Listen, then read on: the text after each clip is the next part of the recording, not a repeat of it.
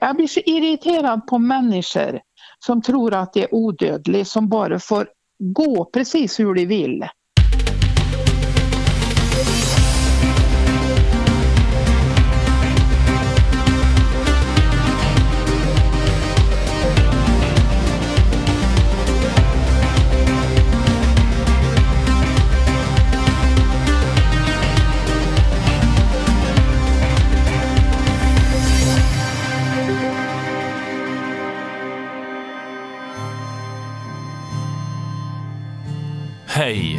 Och välkomna till Ismail Atarias podcast. Det är jag som är Ismail Ataria och jag är poet. Bara så att ni fortfarande vet. Eh, varmt välkomna i alla fall till den här nystarten får vi väl säga då. För att eh, jag skulle ju återkomma varannan vecka sa jag. Men så här är det som händer liksom i livet. Jag har ju barn och man har familj och det är som det är. Men nu är jag i alla fall tillbaks och det känns superkul att du fortfarande är med och lyssnar. I dagens avsnitt så kommer jag ringa upp tre personer i min närhet för att snacka lite grann och se hur läget är just nu. Jag kommer även läsa någon dikt kanske, vem vet. Och som ni hör så är det ju musik från Christian Dyresjö nu, Tomma ord. Det kommer även komma lite musik ifrån Chameleon också i det här programmet. Men grymt kul att ni är med och välkomna. Jag har något viktigt att berätta för dig. Om hur läget är med mig. Jag har något viktigt jag vill säga.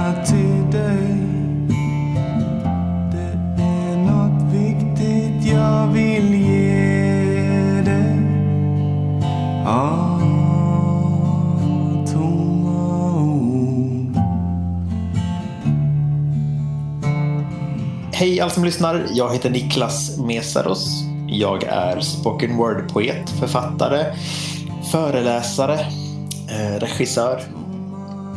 Eh, något så unikt som spoken word-regissör. Eh, ja, det är jag i ett nötskal. Spoken word-regissör, det, inte, det finns inte så många i Sverige som, som kan titulera sig som det, eller hur?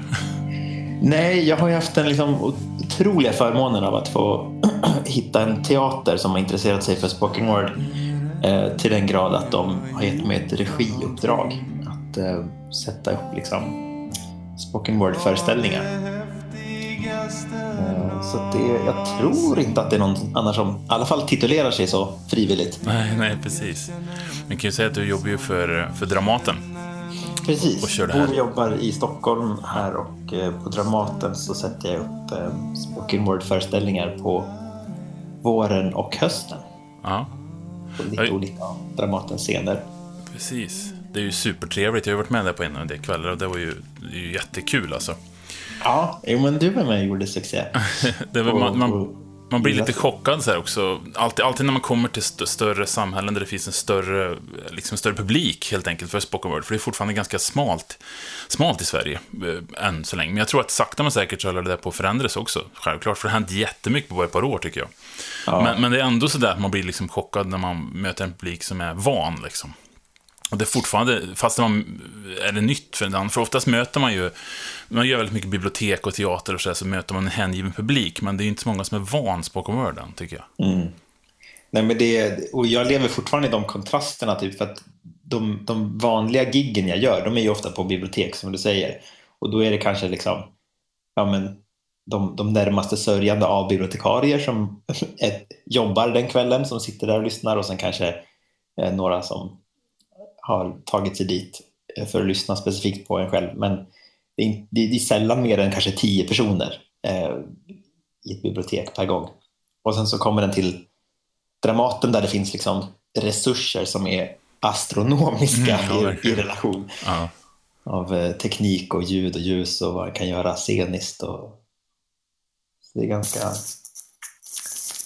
Men jag tänker att både din och min mission kanske är ju också att bredda scenen och göra den mer tillgänglig. Och, Mm. vi är ute mycket på skolor och föreläser, både du och jag. Så att Mm.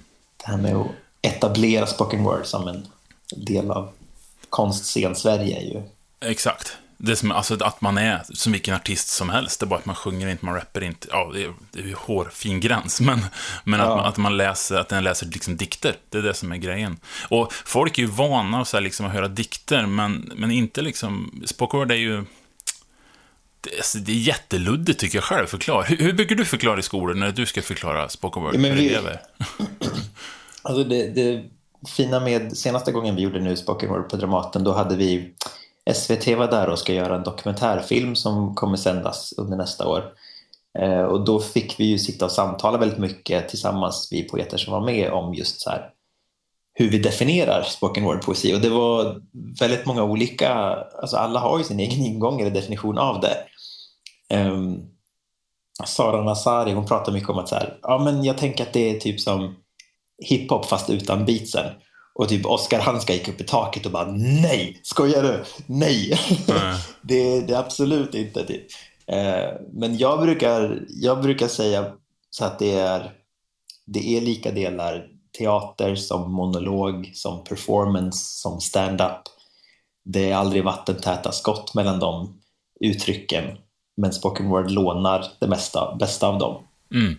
Eh, Det är ett sätt att göra, levandegöra poesi på scen med din kropp och röstläge och personlighet. Ja, precis. Det, det, är väl så jag också, också ser det faktiskt. Att det, och det är det som gör det också kanske lite luddigt som, som konstform sådär. Vad är det liksom? Men, men det är ju bara för att det är så pass kanske fortfarande i, att vi håller på att etablera det också i Sverige. Så Ja, till typ- slut så kommer det finnas olika stilar liksom inom, inom spoken också. Ja, men visst. Alltså, filmmediet brukar jag ju säga är det yngsta. Liksom, eh, den, filmmediet är fortfarande väldigt ungt i historiskt sett av kultur. Eh, spoken word är ju liksom inte ens en promille av det i tid. Eh, så det är fortfarande väldigt formbart på ett sätt också. Alltså jag skulle lätt kunna viga ett helt program bara prata spoken word, känner jag. Eftersom jag brinner så självklart också, men vi kanske kan återkomma till den en gång. Eh, Ja. men men om, vi, om vi pratar liksom generellt sett då, som författare, poet, människa, eh, spoken word-regissör, hur, hur, hur mår du i livet just nu? Eh, jo, men jag mår... Det växlar. Det är växlande molnighet. Eh, jag har inte... Alltså av årets 12 månader har jag kunnat arbeta tre, typ. Alltså som jag faktiskt kunnat ha så här, fått pengar för och arbetat mig igenom. Så att ekonomiskt har det varit katastrof. Det är ett skämt. Men, eh, men på ett privat plan så mår jag riktigt bra, Mm. ironiskt nog. Eh, hemma, som min relation, min sambo, vårt varannan vecka, barn som är här hos oss. Och så här, det är, jag, har, eh, jag har det riktigt bra. Jag, alla runt mig är friska också, tack och lov, peppar. Och, så att jag har väldigt mycket att vara glad över också. Men, eh, men det stora, stora problemet med året har ju varit liksom att bara få saker att gå runt ekonomiskt. Ja, ja, man känner igen det där också. Det är ju precis samma, samma sits jag sitter i också. Det, eftersom jag också fått, fått barn nu liksom och, och har en jättefin sambo. Ja, och, och ett det. fantastiskt hemförhållandet är, kan inte vara bättre liksom. Just Ja. nu, även om det är lite så kaos med, med, med en bebis och allt det tillför. Men, men man, bortse från det så är det ju fantastiskt. Och, eh, men, men liksom eh, företagsmässigt och ekonomiskt så har det varit eh, slitsamt på grund av Mm. jobb. Så jag, jag också känner igen mig precis det, det här med att det har varit tre månader som har gått bra liksom som vanligt så, men sen resterande har ju inte varit något större jobb liksom. Mm. Men eh, det var så konstigt, för i början av hösten hade jag jättemycket jobb. Då bara kom det in jättemycket skoljobb, speciellt. Det var ju liksom nästan ingen, det var ju kanske två, tre gig liksom, när man läst för publik. Ja. Och då har det varit här 50 persons gig liksom. Ja, men det var ju hela, den inställda våren skedde ju i stort sett under september-oktober. Mm. Och då var ju den lilla liksom, luckan av tid då det faktiskt började kännas som att den kan börja jobba igen. Mm. Och sen var det sista oktober då bara poff, var det stängt igen. Nej, ja, precis, exakt. Och så, och så, ja, jag blir så snuvad på det. Jag tror liksom, jaha, men nu är det igång. Och så typ, nej, men det är det ju inte, nej. Det är ju fortfarande som det är. Så att jag är ju jätte, det, det har gått ändå hyfsat bra tycker jag, året sådär. Och jag har haft lite grann liksom, i ladorna, som, man, som de säger. Jag tycker att kul uttryck att ladorna har varit fulla. men, men, lite så, alltså, jag har haft i alla fall, liksom, så att det går bra. Men nu är jag nervös inför, inför året som kommer. Liksom. Det, Ja. det tänker jag oupphörligen på, på något sätt. Hur ska det gå? Men har alltså? du kunnat, förlåt nu avbryter jag men Ja. har du kunnat ställa om digitalt någonting? Ja, ja, precis. Jag börjar med det. Och jag, jag har sett liksom att du också har, har gått ut lite grann med att du gör digitalt nu. Så att, Ja. så att jag har, jag har ju, man har ju tvingats också på något sätt. Det är så här. Så jag, tänkte, Ja. jag tänkte faktiskt fråga dig, hur, hur känns det? För vi gör bägge två väldigt mycket skolworkshops i skrivande. Och hur, hur känner du att det har gått och ställt om till det digitala? Ja, men i, I början av året så var jag så dum naiv att jag bara, nej men jag kommer inte, det jag gör kan inte översättas digitalt. Liksom. Jag behöver ett fysiskt taktilt rum framför mig. Liksom. Så jag kommer inte ens lägga någon, någon tid på det. Och sen var sommaren liksom ändå uppehåll på skolor. Och sen när hösten kom så tänkte jag, men nu, nu är jag tillbaka i klassrummen igen. Men sen efter det, sista oktober, så har jag ju verkligen behövt så här, bara, nej men nu får jag ju bara inse att jag måste förhålla mig till det här. Eh, Så jag bara köpte en skitdyr streamerkamera, eh, gjorde några powerpoints och bara insåg att så här, ah, jag kan ju faktiskt säga exakt sak, samma sak jag gör i klassrummet fast in i kameran. Och sen så har ju alla lärare redan liksom gjort grovjobbet av att få alla elever att fungera liksom digitalt. Ja, precis. Så att det, det har fun- funkat förvånansvärt lätt. Eh, Jag, i, I mitt huvud byggde jag upp det som väldigt mycket svårare Ja. än vad det var. Hur har du känt? Ja, men jag känner lite samma som dig. Jag har inte gjort det, jag har gjort bara ett par stycken, eller två stycken. Sen har jag gjort lite sådana, såna, jag har gjort två stycken workshops-tillfällen och så har jag gjort ett par stycken här, jag läste en dikt på någon konferens hit och dit och så. Och jag känner också så, att det är förvånansvärt bra har det gått liksom ändå. Ju man tappar ju en viss form, det slår ju aldrig det fysiska mötet liksom. Nej men visst. Det ja, är ju men så. det Det, ju- det går liksom inte, för det är ju det bästa liksom. Men, men, men som komplement så absolut, jag blir förvånad hur bra det fungerar. Eh, och speciellt, och jag märkte igår tillfällen jag läst poesi, så jag var lite så orolig för att det kommer inte gå alls, men det, det har gått superbra. Mm. Faktiskt. Alltså så här känslomässigt inför, för jag, det kanske bara för att jag har haft min, mina förväntningar så låga liksom, men, men det ändå fungerar riktigt bra. Och, och jag, jag vill inte, jag är lite försiktig nu, det är så många också som ställer in i den här kören på att det går inte att köra digitalt, vi förlorar någonting. Men det kanske bara, kan det vara så att vi inte är vana riktigt också? Jo men absolut, det är en om, alltså förändring är ju aldrig skönt. Liksom. Det är, så att det, jag tror att det är en omställning för, för alla. Ehm, och det, är ju, det gäller ju alla delar av samhället nu, liksom, inte minst liksom den, ja, men hur, hur företag och allting kommer fungera framöver. Att det är ehm, ett helt annat landskap för oss att förhålla oss till. Ja. Så det, Men tror, tror du att det kommer förändra kulturen på något sätt, det här? Eh, kanske uttrycksmässigt, vi börjar, börjar prata om det som uttryck, alltså när, när vi gör mycket över nätet, kommer det liksom förändra vårt, vårt sätt att sprida kultur? Jo, men det tror jag. Jag tror att det finns ett före och efter liksom, och det är det här året som är... Ja, det är jag, jag kan inte ens spekulera i exakt hur det kommer se ut, men jag tror att det på, på många sätt kommer vara omöjligt att gå tillbaka till en modell där saker... Alltså I början så ville jag ju bara tillbaka till att det skulle vara normalt igen. Eh, men jag tror att eh, på många sätt så finns det eh, en kanske ingång till att hitta någonting annat sätt att jobba på.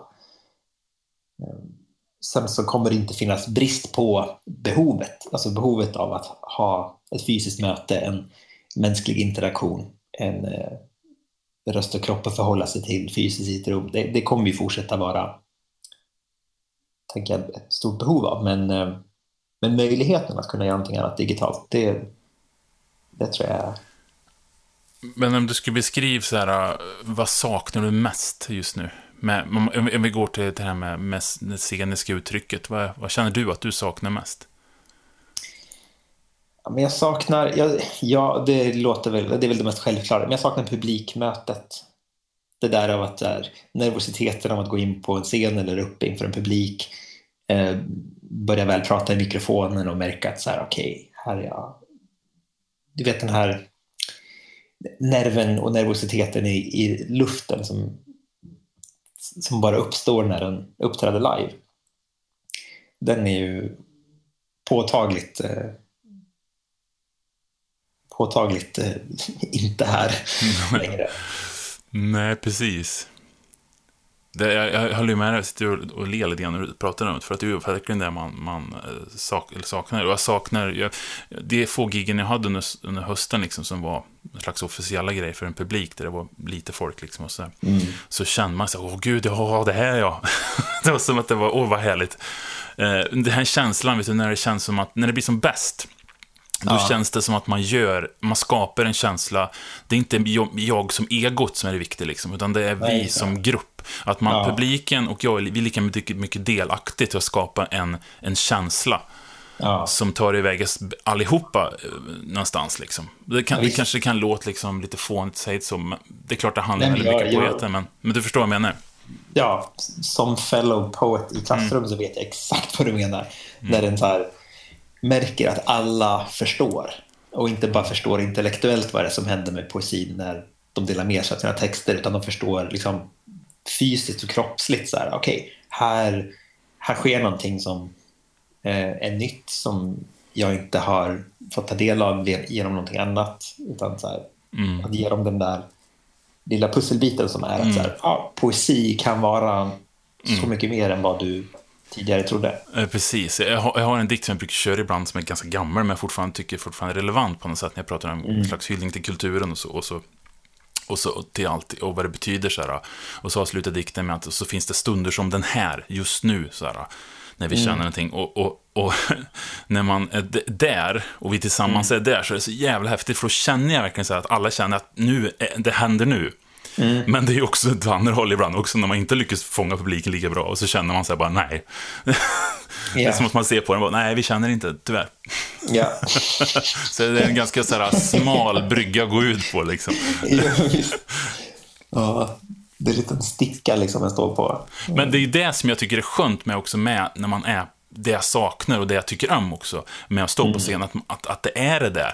Att, mm. vi, att vi inte vi vet inte vart kvällen hamnar på något sätt. Och det är den, den Nej, smala plankan man vill ut på. Saknar ja. nervositeten att inte veta vart det här är på väg. Nej, och sen själv så här, ha handen på så här, styret och bara eh, vi testar hitåt. Ja.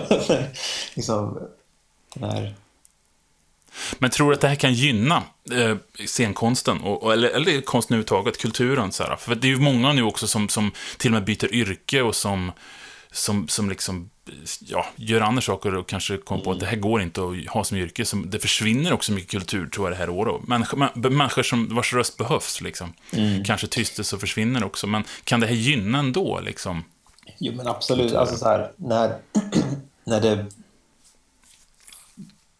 När, eh, när det finns en öppning liksom för någonting nytt att komma, då kommer det ju alltid vara någon som fyller den det utrymmet. Eh, så det kan mycket väl vara så att eh, de som har gått igenom en identitetskris nu och hittar någonting nytt att göra eller sadlar om eller vad de nu tänker sig att de vill göra istället. Det gör det ju möjligt för någon annan också att, eh, att i andra änden vara den som har sadlat om till poesi. Så att det, det kan mycket väl så att det öppnar upp. Och speciellt tänker jag för Spoken Word och Poetry Slam som redan är en ganska ung en ung scen i den bemärkelsen att det, är, det lockar till sig unga människor för att eh, ja, ge dem en plattform att uttrycka sig och sätta ord på sina känslor och så vidare. Att det är de som redan är infödda eh, i det digitala språket kommer säkert hitta en publik på ett mycket lättare sätt än vad det är för oss att ställa om till att försöka liksom förhålla oss till det digitala.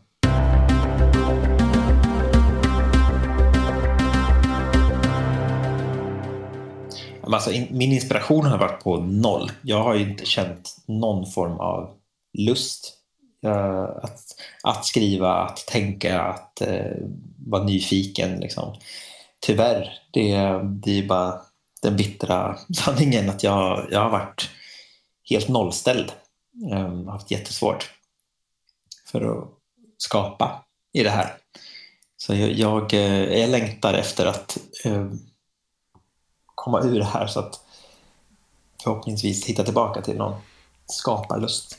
Ja, det har gått i perioder för mig, men, men sen, också med min livssituation med barn och så här, så det påverkar det också. Men, men det är inte varit det största till min... Jag har också haft en liten dipp liksom, skrivmässigt. Jag, jag hade ju en tanke så här, bra, nu kan man låsa in sig och bara skriva ungefär sådär. Men, men jag skrev mycket mindre än jag brukar göra. Under den här. Och det tror jag är att man, jag är fullt upptagen med att studera världsläget på något sätt, ta in. Och jag, det slog mig att, man, jag slog på mig själv väldigt mycket med det, men då tänkte jag så att ja, man gör inte utan det kanske inte är en tid att skapa så. Det kanske är en tid att ta in och finnas nära varandra liksom. Och finnas för dem omkring en och så. Ja. Det kanske Jo, men det, det, det låter jätte också självklart och klyschigt kanske, men typ hela tiden har, hela det här året har ju gett en perspektiv på något sätt för vad som, vad ens prioriteringar har legat i. Jag har, gett, jag har alltid åstadkommit väldigt mycket för att jag har haft en hög ambitionsnivå, men jag har också eh, gett mig själv ett egenvärde utifrån vad jag har presterat. Och det har jag inte kunnat göra nu. Så jag har behövt liksom omvärdera min självbild. Så här, vad är det jag tycker är viktigt? Vad, vad, vad är viktigt på riktigt? Um, ja, på något sätt terapeutiskt på, på många sätt. Mm. Ja, men det är absolut. Det har varit ett, ett omskakande känslomässigt år så också. Eh, Och dels också med, med att få barn mitt i det här också har påverkat liksom. Mm, Också det tankarna för mig liksom. Att vem gör jag det för och varför gör jag det för och, och vad, är, vad är viktigt i livet så där. För, för ja, man har ju den där prestationsdjävulen på sin axel liksom. Mm. Mm, och sådär att jag inte är värd någonting om inte jag eh, syns och hörs liksom. Mm. Nej, men, ja, precis, och bara så här, vad är en, vad är, vad är en spoken word-poet utan en publik och en scen? Ja. Och, är jag fortfarande en, en spoken word-poet då? Fast jag inte kan vara det. Nej, precis, exakt. Men nu skriver ju du böcker också, precis som, precis som mig, så att man har ju skrivandet Ja. kvar hur man än gör, tycker jag, på något sätt. Det finns... Eh... Ja, men det också tror jag har gjort med mig det här året. att Jag har förstått att jag kan fokusera på andra saker där inte liksom den direkta reaktionen är det jag söker. Jag har varit så beroende av applådtacket och Mm. eh, high fivesen efteråt. Liksom. Men om inte de finns då behöver jag liksom hitta... Då kan jag rikta den energin eller Mm. längtan och behovet till någonting annat. Och sen, inte, som, som vi pratade om i början, där, att knyta an till det, liksom också kom på vad, vad viktigt det är med scen också. Och vad, vad, vad, vilket, vilket otroligt komplement det är. Och vad, jag tycker Mm. jag tycker synd om det som, inte, det som är bara är, är bokpoeter ibland, kan jag känna så här. Men så är det klart inte synd om, men jag menar att man kan känna så ja. ibland, så här, att, att va, gå på en scen liksom. Ja, Det är så, och, och det är ett sånt otroligt komplement, tycker jag ja visst. till, till alltihopa. Så, jag brukar sä- säga det till folk som är i skor, liksom så här, du kanske gör du, gör du en bok, liksom, så, man, det, det är mycket fokus ibland på det här med böcker. Så jag brukar säga så här, men gör du en bok, så det tar jättelänge innan hundra personer har läst kanske Ja. din dikt, så här, men på, på en kväll, då kan det hundra personer som hör din dikt direkt, liksom. Mm. Så att det är ett jäkla genomslag på det, liksom. visst. Men vad, hur ser du på framtiden just nu? Hur, hur gör du för att liksom hitta styrkan nu under den här perioden för att liksom ta ett kliv in i den här osäkra framtiden? Jag, eh, jag tillåter mig själv att vara, jag är extremt tillåtande för alla känslolägen eh, i mig själv och runt omkring. Det finns en, helt ny förståelse för, för att alla nya känslor som tar plats också. Så jag, jag låter mig själv inte jagas upp för mycket av, av stressen, Eh, den ekonomiska jag har haft turen av att ha väldigt mycket hjälp runt omkring mig så att det är inte så att jag går på knäna eller riskerar att liksom bli hemlös, inte på den nivån men, men det har varit tufft på andra sätt. Men äh, jag, eh, jag tror, alltså jag är ju obotligt optimistisk så att jag, jag liksom ser ändå på något sätt som att så här, ja, men jul kommer komma, det kommer bli nyår och sen så nästa år då, då kommer det börja liksom det ska massvaccineras och sen så kommer folk börja må bättre och jag tror att vi liksom är tillbaka till nästa höst kanske till någon form av eh, kulturscen som, som liknar den vi åtminstone var i tidigare. Så det, det gör att jag kan hänga upp, åtminstone upp liksom någon form av lysande framtidsutsikter på någonstans där långt fram. Sen så tror jag inte på något sätt att vägen dit kommer vara helt rak och skön. Men, eh, men jag, tror, jag, jag litar också på att jag har, eh, har tillräckligt mycket etos för att liksom komma igenom en skärm i min närvaro. Eh, I klassrummen och på scener. Och... Och så kanske nya samarbeten kommer komma ut. Um, jag, jag, är nog inte helt uh, um, säker på att jag uh, kommer uppträda kanske i samma utsträckning. Det kan mycket väl vara att det händer någonting, att jag upptäcker uh, regi, regiarbetet har ju liksom inneburit att jag på något sätt har varit ansvarig för så mycket och mer av att sätta ihop en, en föreställning och, och någonting kreativt som, som har med scenkonst att göra men att själv inte vara i centrum därpå. Mm. Det, det, det vara vaken kanske för, för förändringen. Det, det ja, är det också. Och så se, se de tågen som bjuds liksom. Ja. Och att, eh, och att vi liksom vågar att ta de vägarna som vi kan ta också så. Ja, ja men precis. Inte stänga några dörrar, eh, utan snarare hålla, hålla lite örat spetsat på liksom vad det är jag känner och tycker och låta mig själv lite ledas i det också. Inte vara rädd för att så här, jag är ju en riktig sköldpadda när det gäller förändring. Jag, jag tar ju sällan initiativ att liksom rycka mig själv framåt utan jag följer snarare, jag reagerar snarare på omgivningen. Eh, än att själv vara den som går dit.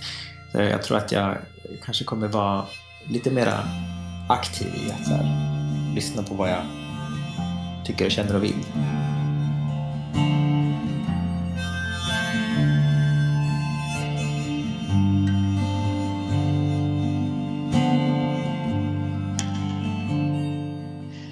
Ja, Laila Brokvist.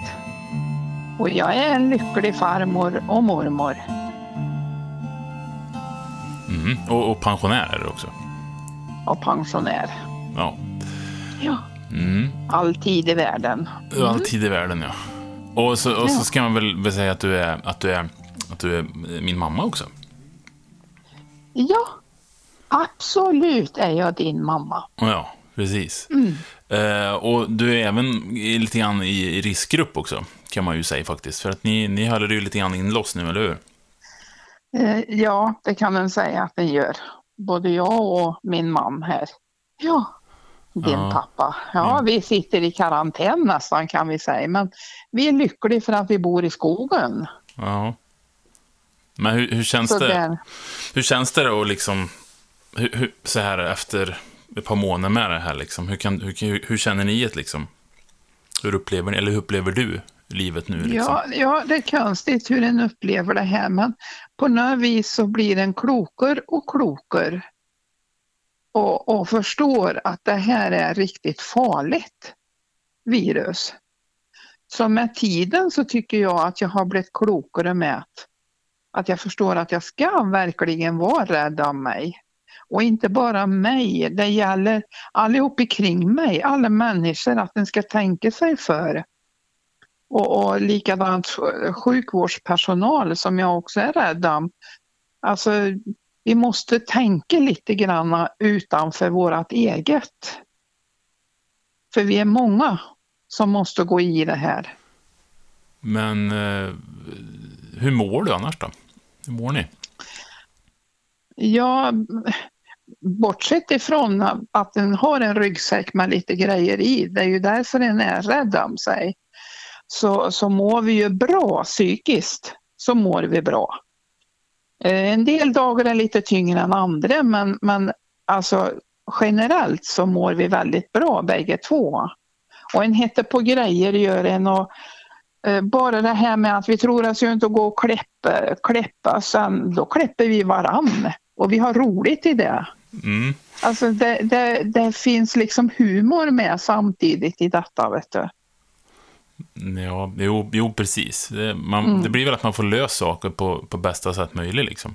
Alltså, så. Måste, som, som man en kanske måste inte, göra det. Ja, men helt lösningar som man förr kanske inte ens har tänkt att man skulle behöva och, och göra på något sätt Ja, också. ja. Och en handlar på nät och en gör allt det som en tycker att en ska göra. Och är det så att en går in på något ställe för att, ja men gud nu glömde jag det där, ja men jag går in på macken och då är det nästan så att ni känner att nu gör du något fel, för här in ska du inte vara. Så att den får liksom någon sorts eh, skam i sig att jag gör något som är förbjudet. Det är också en ny känsla som en inte har känt förut. Är det någon som ser mig när jag går in här? Och så är jag ju glad att du är långt borta så då ser inte du mig. Menar du mig, eller vadå? Vadå? Att, att, att, att, så här, nu ser inte Anders oss, nu kan vi gå in, passa på att gå in Anders. Du, det är ju det som jag går runt och är rädd för också, ska du veta. Att, att jag är rädd för att ni springer runt era affärer och att ni säger till oss att ja, men vi, vi är så försiktiga så. Och sen så typ, ja, men bara gå in, gå in, gå in där och köp mjölk. Anders, det är inte med ändå, så det ser inte. nej. Men handlar det om att jag kanske att jag har missat så att jag har inte, men nu glömde vi äggen. Mm. Ja men då får du gå in på macken och ta det. Ja, Och den ni, känslan, ja men det, det handlar ju om att när in kanske 10 minuter, 5 minuter, 10 minuter och så tittar den först. Vad många bilar står det på utsidan? Nej, vi får vänta. Vi tar det en annan dag. Förstår du? Jo, absolut, Ja. jag förstår ju. Men samt, Ja. samtidigt kan jag uppleva att det som, som, borde vara mest försiktigt är också det som Mm. är mest oförsiktigt. Och det är ju det som jag är rädd för. Att, ni, att ni inte Jag, är jag tillräckligt vet, försiktiga. ja, jag vet, jag vet. Men det känns lite grann nu som att ni riktigt har fatt, fattat i alla fall, så här, och ni är så här, landat i det. Men så, Ja. så var det ju inte riktigt i våras tyckte jag inte så. När jag, när jag började på bli nojig för det här. Liksom. Då, Nej, nej. då var det lite grann att jag var hysterisk, att jag var någon sån här... Du var väldigt hysterisk för du skulle ju ha 10 meter emellan. du. Ja, men... kunde ju inte höra vad du sa en gång eftersom pappa hör dåligt. Så kunde han ju inte höra vad du sa. Nej, det är väl ingen skillnad egentligen. Är det? Nej. Nej, men med tiden så förstår en ju och jag har ju fått reda på att eh, jag var ju så sjuk i vintras. Um, så att jag har ju liksom inte riktigt så som jag ska vara i lungorna och då förstår jag ju att det här kan jag inte klara av om jag skulle få. Risken är stor för att jag inte gör det och då blir den automatiskt också lite mer rädd. Mm. Vad är du mest trött på då? När det gäller. Eh, mest trött på? Mm, ja. ja, det är ju att jag inte får umgås med, med er och, och syster det och att, all, att, vi, att vi kan liksom bara åka till varann. Och vi kan, när vi kommer så här, vi, liksom, vi kramar varann och men sitter och myser allihop i lag och det går inte. Det kan jag bli trött på. Att den ska liksom ha, nej, ni kan inte komma. Nej, är ni frisk? Nej, då kan vi inte gå in. Det, det, det är jobbigt med det här. Är det.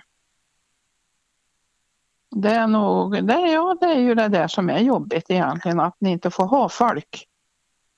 Och, jo, och du pratade förut om det här med vad jag irriterar. Ja, jag är, ja, jag höll på att säga något som jag inte ska säga idag. Här får du säga vad jag du vill. Det är. Jo, jag är jävligt irriterad på det här med att folk fattar inte hur det här är. Jag blir så irriterad på människor som tror att de är odödliga, som bara får gå precis hur de vill. Och det ska handla så, ja men jag ska ju bara köpa det och det och de springer i det här köpcentret. Jag är så förbannad på de här människorna som inte kan tänka längre. För den kan inte springa runt i varenda affär och ha en massa pöser med sig ut. Alltså livet består inte i en massa grejer vet du. För det har, Nej. det har ju jag redan fått på mig nu. Jag har mycket grejer. Vadå, så du har köpt ditt du, så behöver inget mer? Nej, nej men alltså jag är så pass gammal så jag har hunnit samla på mig redan. Men vad, vad behöver vi göra för varandra för att vi ska kunna klara av det här egentligen? Vad tycker du? Människor behöver tänka på liksom. En kan ringa till varann. Egentligen skulle en kunna skriva till varann men det är ju sånt där som är borttappat. Det, det blir ju sms istället. Då. Ja.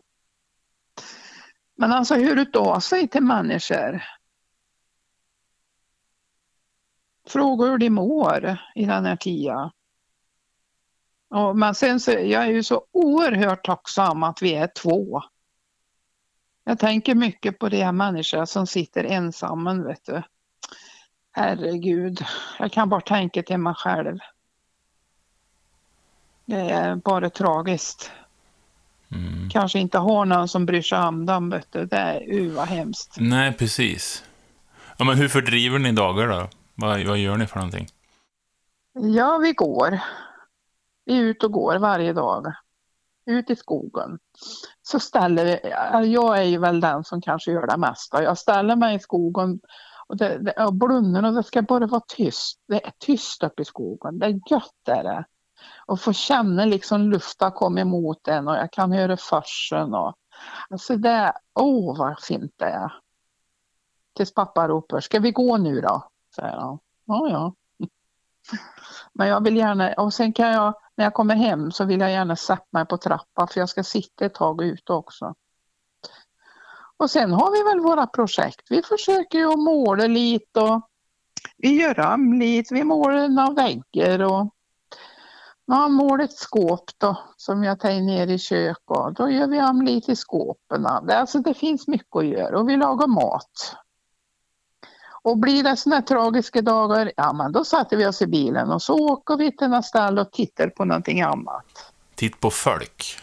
Det är inte alltid det. Vi kan, sitta och, vi kan sitta och titta på folk. Mm. Ja. Och vi kan åka på något annat ställe och se, ta med kaffe och det, det, det är bara liksom om jag säger huvudet som bestämmer att nu gör vi så här. Mm. Mm. Och så tittar vi på adventskalendern för den är jättebra. Den är så fin. Ja. Ja. Kan det komma någonting gött ur det här?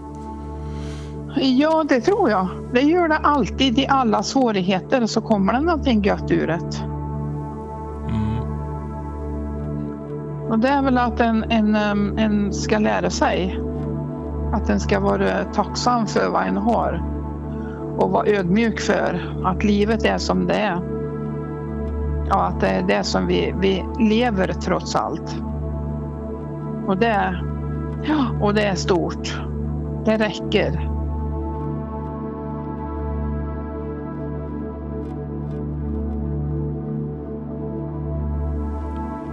Jag känner till en känsla.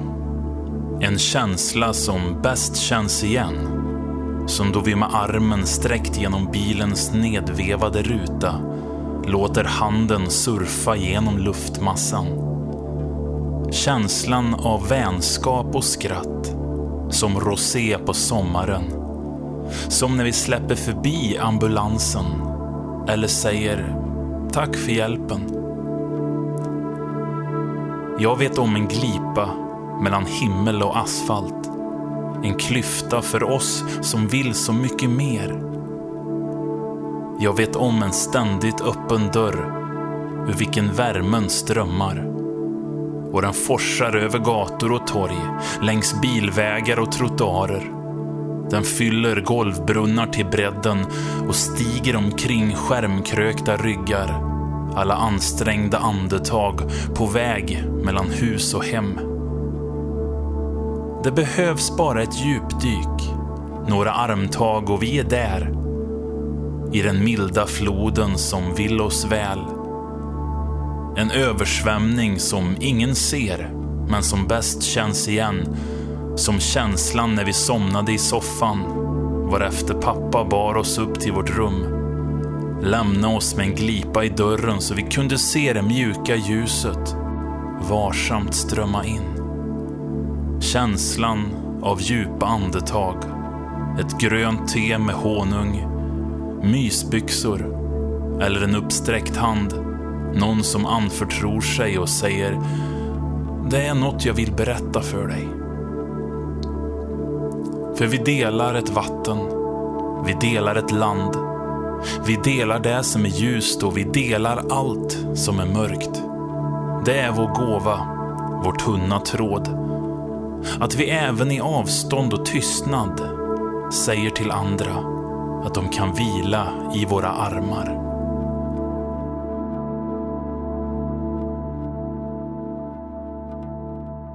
Eh, Nathalie eh, Grünfarb heter jag. Och jag tror att jag först och främst definierar mig som människa. Eh, jag tror att min pappa sa det någon gång när jag var liten att det är, det är nog bäst att se folk som människor först. Sen kan man dela in dem i olika kategorier. Eh, och vad är jag sen? Sen är jag nog, sen är jag nog mamma. Faktiskt. Det kommer nog näst efter att vara människa. Eh, och sen är jag kanske tvillingsyster en stor del av tiden också. Men, men sen gör jag ju något för att tjäna pengar ibland och då, eh, ja, då är jag samtalsterapeut. Eh, har precis startat eget en dag i veckan och sen är jag anställd eh, på en företagshälsa. Så att jag pratar med, med människor som mår psykiskt dåligt kan man säga. Och sen mål, målar jag en massa också, eller periodvis. Eh, Mm. Hur, hur är läget då, om man börjar där? Ja, det prickar ju typ den värsta dagen i mannaminne. ja, men, eh, ja, men jag mår egentligen ganska bra. Jag har ju corona men det är en väldigt mild och lindrig variant så att jag känner mig väldigt lyckligt lottad. Men är hemma i karantän med barnen som förmodligen också har corona men de eh, känner ingenting. De hade ont i huvudet typ en halvtimme var. Sen gick det över. Eh, så att vi är väldigt förskonade men jag har ju en, eh, en pojkvän som ligger på sjukhus eh, sen igår och har haft feber i 15 dagar. Så att han är ganska illa där än. Men det är, så det är mycket oro Mm. Hur- tankar på vad som händer där och så. Ja, jag förstår det verkligen. Alltså. Men hur, hur hanterar du oron i, i de här tiderna nu? Liksom? Och speciellt när du har ett så in på det nu också. Um, Ja, men det är bättre nu när han är på sjukhuset. Det var värre när han var ensam hemma. För då eh, kände jag att jag inte riktigt litade på att han berättade vad han, hur han mådde och, och att ingen har koll. Liksom. Så den, den oron, det är lite lugnare nu sen han kom till sjukhuset på ett sätt. Um, Men annars så hanterar jag oron genom att det är jättebra att ha barn som, som man måste ta hand om och laga mat och eh, göra allt möjligt med. Mm. Och som också ger så mycket glädje och eh, närhet och kärlek. Och sen gråter jag eh, periodvis en del. Distraherar mig på andra sätt genom, som alla andra gör den här tiden, tittar på serier Mm. och läser böcker. Mm. Jag har haft lite svårt att, att, att måla faktiskt. Jag har ingen, inte heller någon liksom, tavla på gång annars. Nej, jag har lite svårt att känna mig kreativ men det är också för att jag är trött och Ja, precis. sliten. Men Ja.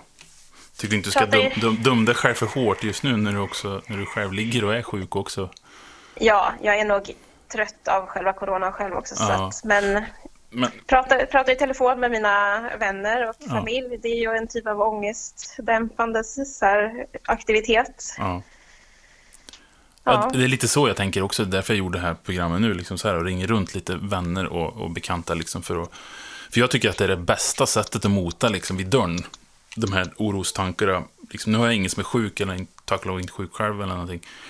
Men, men, eh, men liksom, jag känner att att prata om det hjälper mig liksom, på något sätt. Är det någonting som du tycker också någonting som, som du tror människor behöver mer av också? Eller, eller någonting som du ordinerar liksom, till, till dina klienter som kommer och pratar med dig? Ja, alltså det är ju både och. En del behöver prata mer och en del behöver faktiskt prata mindre om sin oro. För en del, för en del går det ju bara runt. De ältar ju så att det tar upp nästan halva deras vakna tid. Ja, det känner jag mig Eh, träffad. Ja, och då, då behöver man ju bryta den oron istället. Så att det, det är oftast antingen det ena eller det andra. Många bara dämpar den och kväver den och tar inte upp den alls till ytan. Och de eh, De har ju lite svårt att förstå kanske vad, vad som händer med dem, men oftast har de ju kanske en underliggande oro eller sorg över någonting som de inte har tagit fram. Men, men så det är lite olika beroende på hur man är som människa tror jag. Jag, är, jag oroar mig också för, för mycket vanligtvis. Men eh, jag kan också stänga av helt och hållet ibland. Eh, och stänga av alla känslor. Det tror jag nästan alla kan när det blir för jobbigt. Då blir man nästan lite känslokall istället. Och för att det är för jobbigt att gå ner i, i det som är svårt. Eh, det är en bra, en bra knapp att ha men, men det, den får inte vara av för länge tror jag.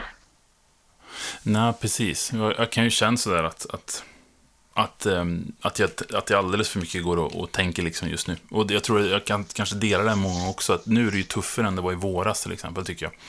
På grund av att, att det kryper så mycket närmare liksom nu, känner jag. Också. Ja, och ni har väl fått mer smitta där du bor? Ja, ja, precis. I Dalarna. Mm. Ja. Och, och, ja, men, nu liksom, jag, jag märker ju fler omkring mig också som är smittade. Ja, men du är ju sjuk och, och, och det är många fler omkring mig nu som har liksom också fått det sådär. Och det, det känns ju jobbigt för det kryper mycket närmare sådana som jag har omkring mig, familjemedlemmar som är liksom i riskgrupp. Så. Och det är klart att det, det är det jobbigaste, tycker jag nu. Alltså.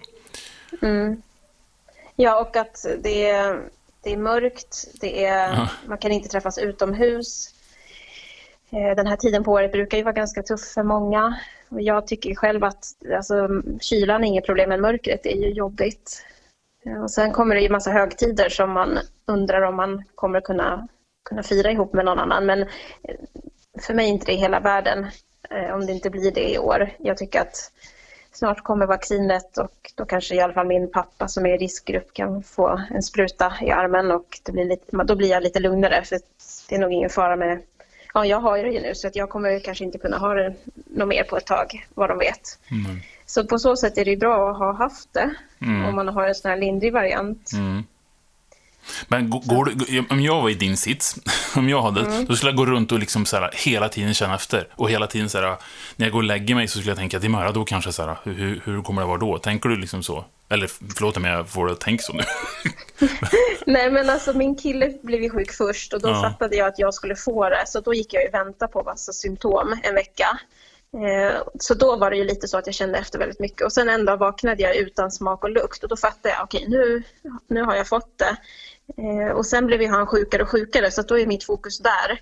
Och jag tänker bara att nej men, jag kommer förmodligen bara ha kanske, ja, jag är lite täppt, jag, alltså jag nyser en gång per dag, eh, hostar fem gånger per dag. Alltså jag, jag, jag, kan, jag är så lyckligt lottad. Jag känner liksom, nej jag vet inte, då hade jag nog redan haft feber och jag tänker att även om jag får det så kommer jag ha det ganska lindrigt. Jag är kvinna och jag är ung, eh, relativt sett i alla fall.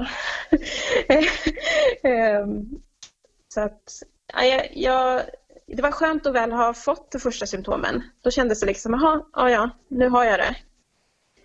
Så att det var, då släppte det lite. Det var jobbigt att gå och vänta på att få, få symptom förstås. Men nej, så jag är nog ganska lugn för min egen del. Lite kaxigt sådär, men ehm, Nej, men jag tror också att det är så. Det är ju som man känner. Jag är ju hypokondriker, alltid varit liksom. Eller, eller hälsoångest som det heter nu. Är jag inte så? Ja. Det har det har bytt titel på det. Men, men, alltså, men det här är första gången som jag inte är rädd för mig alls. Överhuvudtaget. Liksom, utan jag är bara... Jag är bara orolig för, för mina nära som är i riskgrupp. Liksom. Sen, sen, det enda jag är orolig för mig själv, det är det här med att tappa lukt. Det låter men alltså, så, så jävla ja, är hemskt. obehagligt, tycker jag. Ja, alltså man ska inte klaga när folk ligger och, Nej, nej, gud, nej. och dör. Men, men eh, jag känner ju absolut ingenting. Nej. Alltså noll smak och noll lukt. Mm. Och jag... Alltså, jag, är- jag är ganska högkänslig där, har mycket alltså nära till sinnen eller vad man ska säga och har väldigt känsliga sinnen. Så att lukten är väldigt viktig för mig, speciellt lukten och att inte kunna känna doften av mina barn. Det är det jag tänker på. Det är det, det, är det vill, jag, vill jag inte gå miste om. Alltså det är den bästa doften som finns. Och, ja, och speciellt när du som har en liten, då, då luktar de ju extra gott. Ja, det är Av någon anledning. Jag har hört att, att de har sån lukt bara för att vi inte ska slå ihjäl dem. Ja, Nej, men men det att, de, fin- att de föder någonting biologiskt, liksom. Att det liksom hänger med sen vi, sen vi, alltså sen vi var djur, liksom. Mm. Vilket fortfarande är kanske. Men alltså, jag menar att vi, det är en skyddsmekanism att vi ska tycka att små barn luktar gött, liksom. Har jag läst, jag Absolut, läst det, och, och faktiskt inte bara våra egna. Det var någon eh, luktforskare, här i Stockholm som har gjort något test där människor har fått tygbitar där, där det luktade spädbarn och, Mm. och inte deras egna utan andra. Så det, det stimulerade belöningssystemet väldigt kraftigt i hjärnan. Så att vi, vi, gillar, vi gillar barndofter Men, helt men enkelt. förhoppningsvis så kommer det tillbaka för det också. Så. Men, Ja. men, men jag tänker i, i, i ditt jobb, du jobbar ju som, som samtalsterapeut. Mm. Förresten, alltså, nu, nu, ja, nu är inte du, nu är inte jag eh, sponsrad av dig, men vad, vad har du för hemsida? Du kan ändå säga det tycker jag. Eh, ja, då är det grynfarbpsykoterapi.se Ja, eller, eller gå in på Facebook. men precis. Jag Titta tycker jag man kan. Ja, man behöver liksom, för det, det är ju verkligen business is a boom, är det inte så nu i de här tiderna? Ja, Tyvärr det är det. alltså. Ja, ja, det är ju kanske den sämsta tiden att starta företag, eller bästa, jag vet inte. Det beror på vad man gör, men jag det. Mm. tänker med det du gör, det var det jag vill komma in på lite grann, för du måste ju ha mött otroligt mycket folks tankar runt det här nu liksom. Ja, Vad, vad, är, vad är din sammantagna upplevelse liksom av... Ja, men det är jätteolika. En del tycker det här är fantastiskt. De får jobba hemifrån, de slipper gå på alla möten. Livet är väldigt mycket lugnare. För en del är det här, liksom, de säger att de aldrig mått bra. Medan det finns andra som, som är väldigt rädda för sig själva och för, för nära och kära, som inte vågar gå ut. Som, alltså jag har träffat folk som inte klarar av att gå till sitt jobb fast de inte alls jobbar med något coronarelaterat. Eh, och en del blir tvingade att gå till jobbet fast de borde få jobba hemifrån. Alltså det finns alla varianter. Så att från att tycka att det här är liksom fantastiskt och, och livet är lugnare och det, man slipper den här hetsen. Och speciellt i Stockholm där folk reser långt till sina jobb. Så är det säkert på andra ställen också men, men här är det ju oftast extremt. Eh, så har de ett lugnare liv till de som tycker att som, har, som är deprimerade, som blir isolerade, som är helt ensamma, som kanske inte har träffat en enda människa på, på flera månader. Eh, där det finns väldigt stor risk för ja, men depressioner och i värsta fall också ja, men suicidtankar. Alltså, Vad ska man leva för om man bara går omkring i sitt eget? Det, det blir tydligt att vi, vi är flockdjur, vi behöver varandra väldigt mycket. Ja, och jag vet inte om, du, om det stämmer överens för din upplevelse kring det, men alltså, eh, känns det inte så också att, att det, nu, nu ställer sig på sin spets också vilken, vilken krets du har omkring dig? Den som är ensam blir fruktansvärt ensam i den här tiden. Och den som eh, har, har rätt stor umgängeskrets klarar sig ganska bra från de här värsta tankarna liksom. Ja, och, och speciellt de yngre som också har lättare att umgås digitalt verkar det inte vara så jättestor skillnad, även om de också kanske inser vikten av att träffas i verkligheten. Men, men speciellt äldre människor som inte är så digitala, eh, men, men också ja, att, att vara duktig på att hålla kontakten eh, och ha, ha ett stort nät som man har underhållit ett tag, det hjälper ju jättemycket i sådana här situationer. Hur, hur tror du att det här kommer påverkas som, som liksom samhälle i längden? Det vi går igenom nu. Det är en svår Oj, fråga, men... stor, stor, ja, stor fråga. Många pratar ju om att det inte kommer att bli som förut. Eh, bara en sån enkel sak som att jag kommer nog aldrig ta en patient i hand längre när de kommer, en ny patient. Eh, så inom vården tror jag man helt kommer sluta med, med att skaka hand med folk, faktiskt. Eh, ser ingen nytta med det egentligen. Men, men eh, det är ju en, lit, en liten sak. Men sen kan det ju finnas större saker som att förhoppningsvis att man inser vad är viktigt i livet. Eh, kanske inte att konsumera hela tiden utan mer att träffas. Att när, när det väl kommer att gå att träffas nästa år förhoppningsvis så kommer man att, att göra det mer. Och kanske berätta för nära och kära hur viktigt det är. Jag tänker att, att det kommer bli, när, när väl vac- vaccinerandet är klart och så, så tror jag att folk kommer att ha jättemycket fest och jättemycket bjudningar och ta igen för all tid. Eh, Jag hoppas det. Ja, jag hoppas man- med. Det, blir som ett nytt 30-tal, så här. dekadansen liksom, bara 20-tal. Så här. det blir ett dekadent årtionde, så här. Ja, förra 20-talet så kom det ju, 29 kom det ju en stor smäll och här var det ju i tidigt på 20-talet så att vi får väl hoppas att, att det blir ett riktigt sånt glammigt år sen. Men, men jag tror väl också att arbetslivet kommer att ändras, ändra sig en del. Man kommer inte kunna, kunna re, säga att jag ska resa på möte till, till Kiruna för att vara där en timme och sen åka hem igen. Det verkar helt onödigt och dåligt för miljön. Så jag tror man kommer att ha mycket mer digitala möten eftersom man har upptäckt att det går och det funkar helt okej. En del människor, jag hoppas att folk kommer flytta utifrån storstäderna så att de kan jobba hemifrån mycket mer och så att så att det inte blir så trångt i storstäderna och så att landsbygden lever upp lite igen. Det, det, det verkar ju redan så. Alltså, jag bor ju i Nykvarn utanför Stockholm och alltså, huspriserna här har stigit hela tiden sen, sen i våras. Så många vill nog flytta ut från, från storstäderna och liksom lite mer ut i, i kranskommunerna tror jag. Eh, för att ha ett bättre liv närmare till naturen. Det går ju det är det man gör nu för tiden, är ute i naturen mer. Mm. Men jag tror, jag tror att det här, jag tror att det i slutändan handlar om, jag tror också att folk kommer söka, kanske inse, men jag tror att vi inte är där riktigt än heller, utan att vi måste eh, gå kanske ännu längre i det här. Ännu djupare ner på något sätt i den här kollektiva depressionen som vi har.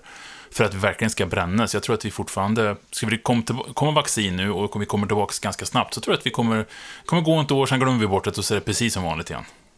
Och, miljö, ja. och miljön lider på, på kuppen. Eh, så ja, jag tror att det måste kostas nästan ännu mer. Men får vara lite cyniker, vilket jag kan vara nu känner jag. ja, alltså kanske de som har blivit hårt drabbade mm. kommer, kommer att minnas mer. Men, mm. men, det är väl så med alla sådana här kriser i, i världen. Alltså, om, på 90-talet var det många som blev uppsagda. Det, de som fortsatte att jobba, de minns ju knappt det tror jag. Men, men de som blev av med jobbet och, och när hela finansbubblan sprack och så, de, de har det ju tydligt färskt i minnet. Och, och samma sak om vi ska dra det jättestort med andra världskriget så, så finns det ju eh, vissa grupper och, och, som jag tror har ett mycket mer eh, starkt minne och, och, inte har glömt vad det in, har inneburit. Medan kanske på en del ställen, där, ja, kanske som i Sverige faktiskt, där man inte blev lika hårt drabbad, där är det mer någonting man läser i historieböckerna, det är mer diffust. Så att det, det är säkert som du säger, det, man måste känna sig otroligt drabbad för att det ska verkligen sätta sig och att det blir en förändring på djupet. Som alla kriser, jag menar när är det man förändrar sig själv? Nästan aldrig i livet, men är det någon gång så är det ju vid de här stora kriserna, när man får barn, när någon nära blir väldigt sjuk eller dör, eller om man själv blir väldigt sjuk. Så att jag tror att när, när det drabbar en personligen, det är då man det är då det händer någonting i hjärnan. Och jag tänker också att det är det som är skillnaden mellan de som faktiskt tar hänsyn till andra just nu, att håller avstånd och inte gör saker, det är de som förstår hur det här drabbar andra. Men många som inte gör det, de, har, de kanske inte vill eller har inte förmågan att, att förstå hur, hur kan det här, det jag gör påverka någon annan? Hur kan det här drabba någon? Alltså, vi, lever väldigt mycket i förnekelse tror jag. Och, är jättebra på att stänga av och del, dela upp oss själva. Alltså, vi kan, vi kan ju fortfarande längta efter en så här, sommarsemester och flyga någonstans. Och samtidigt tycka att det här med miljön är jätteviktigt, vilket är jättekonstigt. Att vi kan på något sätt göra, tycka och känna och göra både och. Och in, inte ha så dåligt samvete ändå. De flesta av oss gör ju massa saker som är dåliga för miljön, till exempel. Jag också. Eh, men vi tycker ändå att det är väldigt viktigt med miljön. Och vi, vi, förstår ju någonstans att det kan ju drabba våra barn eller barnbarn, men vi skiter lite i det också.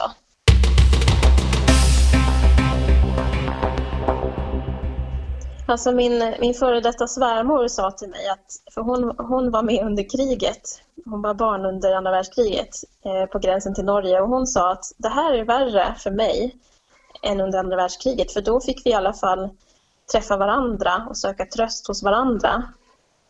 Men nu är hon liksom helt isolerad med sin man och träffar ingen. Så att det här, ja men att man inte riktigt kan dela, speciellt när man är äldre då, kanske inte riktigt kan, man kan inte vara nära någon. Man kan inte dela någon, man kan inte handla, man kan inte göra någonting som vanligt. Så att ja, det är lite perspektiv på det där. Sen tror jag andra världskriget drabbade väldigt många andra mycket, mycket hårdare förstås. Men, men för många i Sverige så kanske det inte var ja, men att det här, hon, hon kände så att det här är mycket värre för henne åtminstone. Ja, det, in, inte få träffa sina barnbarn eller barn eller så. ensamheten är ju det värsta. Sådär då. Den är, eh, man kan tycka att ensamheten är är för jävlig så sett att den är, den är långsamt dödande. Den är, inte, den är liksom inte ett koncentrationsläger i jämförelse, men den är, den är så jävla förrädisk. Mm.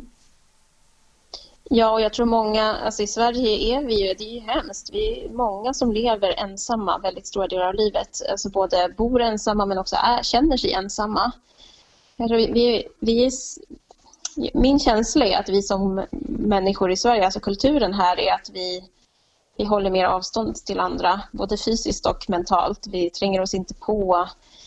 Ehm, vi, vi låter nog människor vara mer ensamma också än vad de kanske skulle behöva vara. Ja, jag, ja, men jag tycker det finns en stor skillnad på, på olika kulturer, hur man, hur man tar hand om varandra och andra som är ensamma. Vad, vad säger du? Känner du någonting sånt? Absolut. Och eh, vi, vi, vi konstruerat vår egen ensamhet också. Jag kan också känna mig ensam ibland i det här hänseendet att jag har jättemycket vänner omkring mig, men så ringer jag inte folk och sånt där. Men det försöker jag råda bot på nu, verkligen försöka höra av mig till folk och prata med folk och liksom visa folk hur mycket de betyder i ens liv och sådär. För att, för att jag tror att det, vi, vi har, vi har ett sånt karriäristiskt samhälle på något sätt. Så att, ja, förstår du? Så att vi glömmer bort det där med att vi, att vi och vårda liksom varandra på något sätt också. För att det är så mycket som ska hinnas med och det är livspussel och det är sådär liksom. Och, och då blir det, tror jag, väldigt lätt att vi, vi försätter oss i det här ensamhetsklon själva liksom. Även vi som har folk omkring oss. Ja, nej men jag är ofta förvånad över att, att människor prioriterar eh, annat framför vänskap. För för mig har det varit väldigt viktigt genom livet, men, men jag har också märkt att, att den här veckan och förra veckan när jag har varit helt isolerad så har jag också ringt mer till mina vänner för att jag inte har mått så bra och mått mycket bättre efteråt. Så jag försökte tänka så här, men en vän per kväll ringer jag till och pratar med. Och det, då känner jag plötsligt att nej men gud, det finns ju massa människor runt omkring mig som tycker om mig och som jag tycker om. De finns ju där fast de är långt borta just nu men de är ändå där. Och det är ju väldigt fint. Alltså man, det är ju få saker som man kan bli så glad över som just det.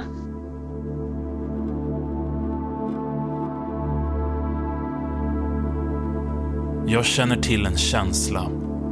En känsla som bäst känns igen som pjäxor och ångmoln, kramsnö och skrynklig choklad. Känslan av att höra ihop, som lukten av våra barn, som när vi håller upp dörren för varandra eller blir tillfrågade. Vill du ha en kopp kaffe? Det finns en flod som binder oss samman. Och på vattnet driver godheten som ingen ser men förnimmer mellan andetagen. Som sköra papperslyktor glittrar dessa bloss även i vår ensamhet. Och utan att vi vet kallar de oss samman och skänker oss tröst när vi behöver det som mest. De mjuka lyktorna prasslar de bärs fram av vattnet runt om oss, floden som ingen ser, men som finns kvar. Även när alla pratar skit, talar om samhällets förbannade torka. Floden finns faktiskt kvar. Och den ger oss känslan som bäst beskrivs som känslan när vi kom hem efter en lång dag i snön och huset luktade nybakade bullar som sköljdes ner med mjölk och Disney-dags och jullov och lyktorna, de strömmade in. Känslan av sovmorgon. Ett leende från en främling. Vintertystnad. Känslan av trygghet när någon ser igenom fasaden och frågar Hur står det till?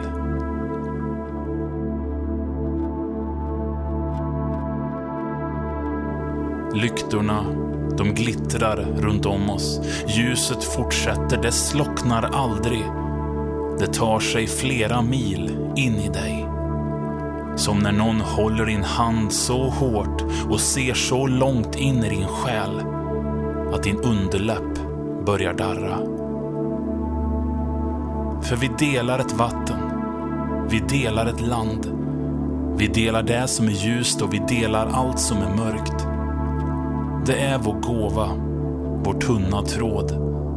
Att vi även i avstånd och tystnad säger till andra att de kan vila i våra armar.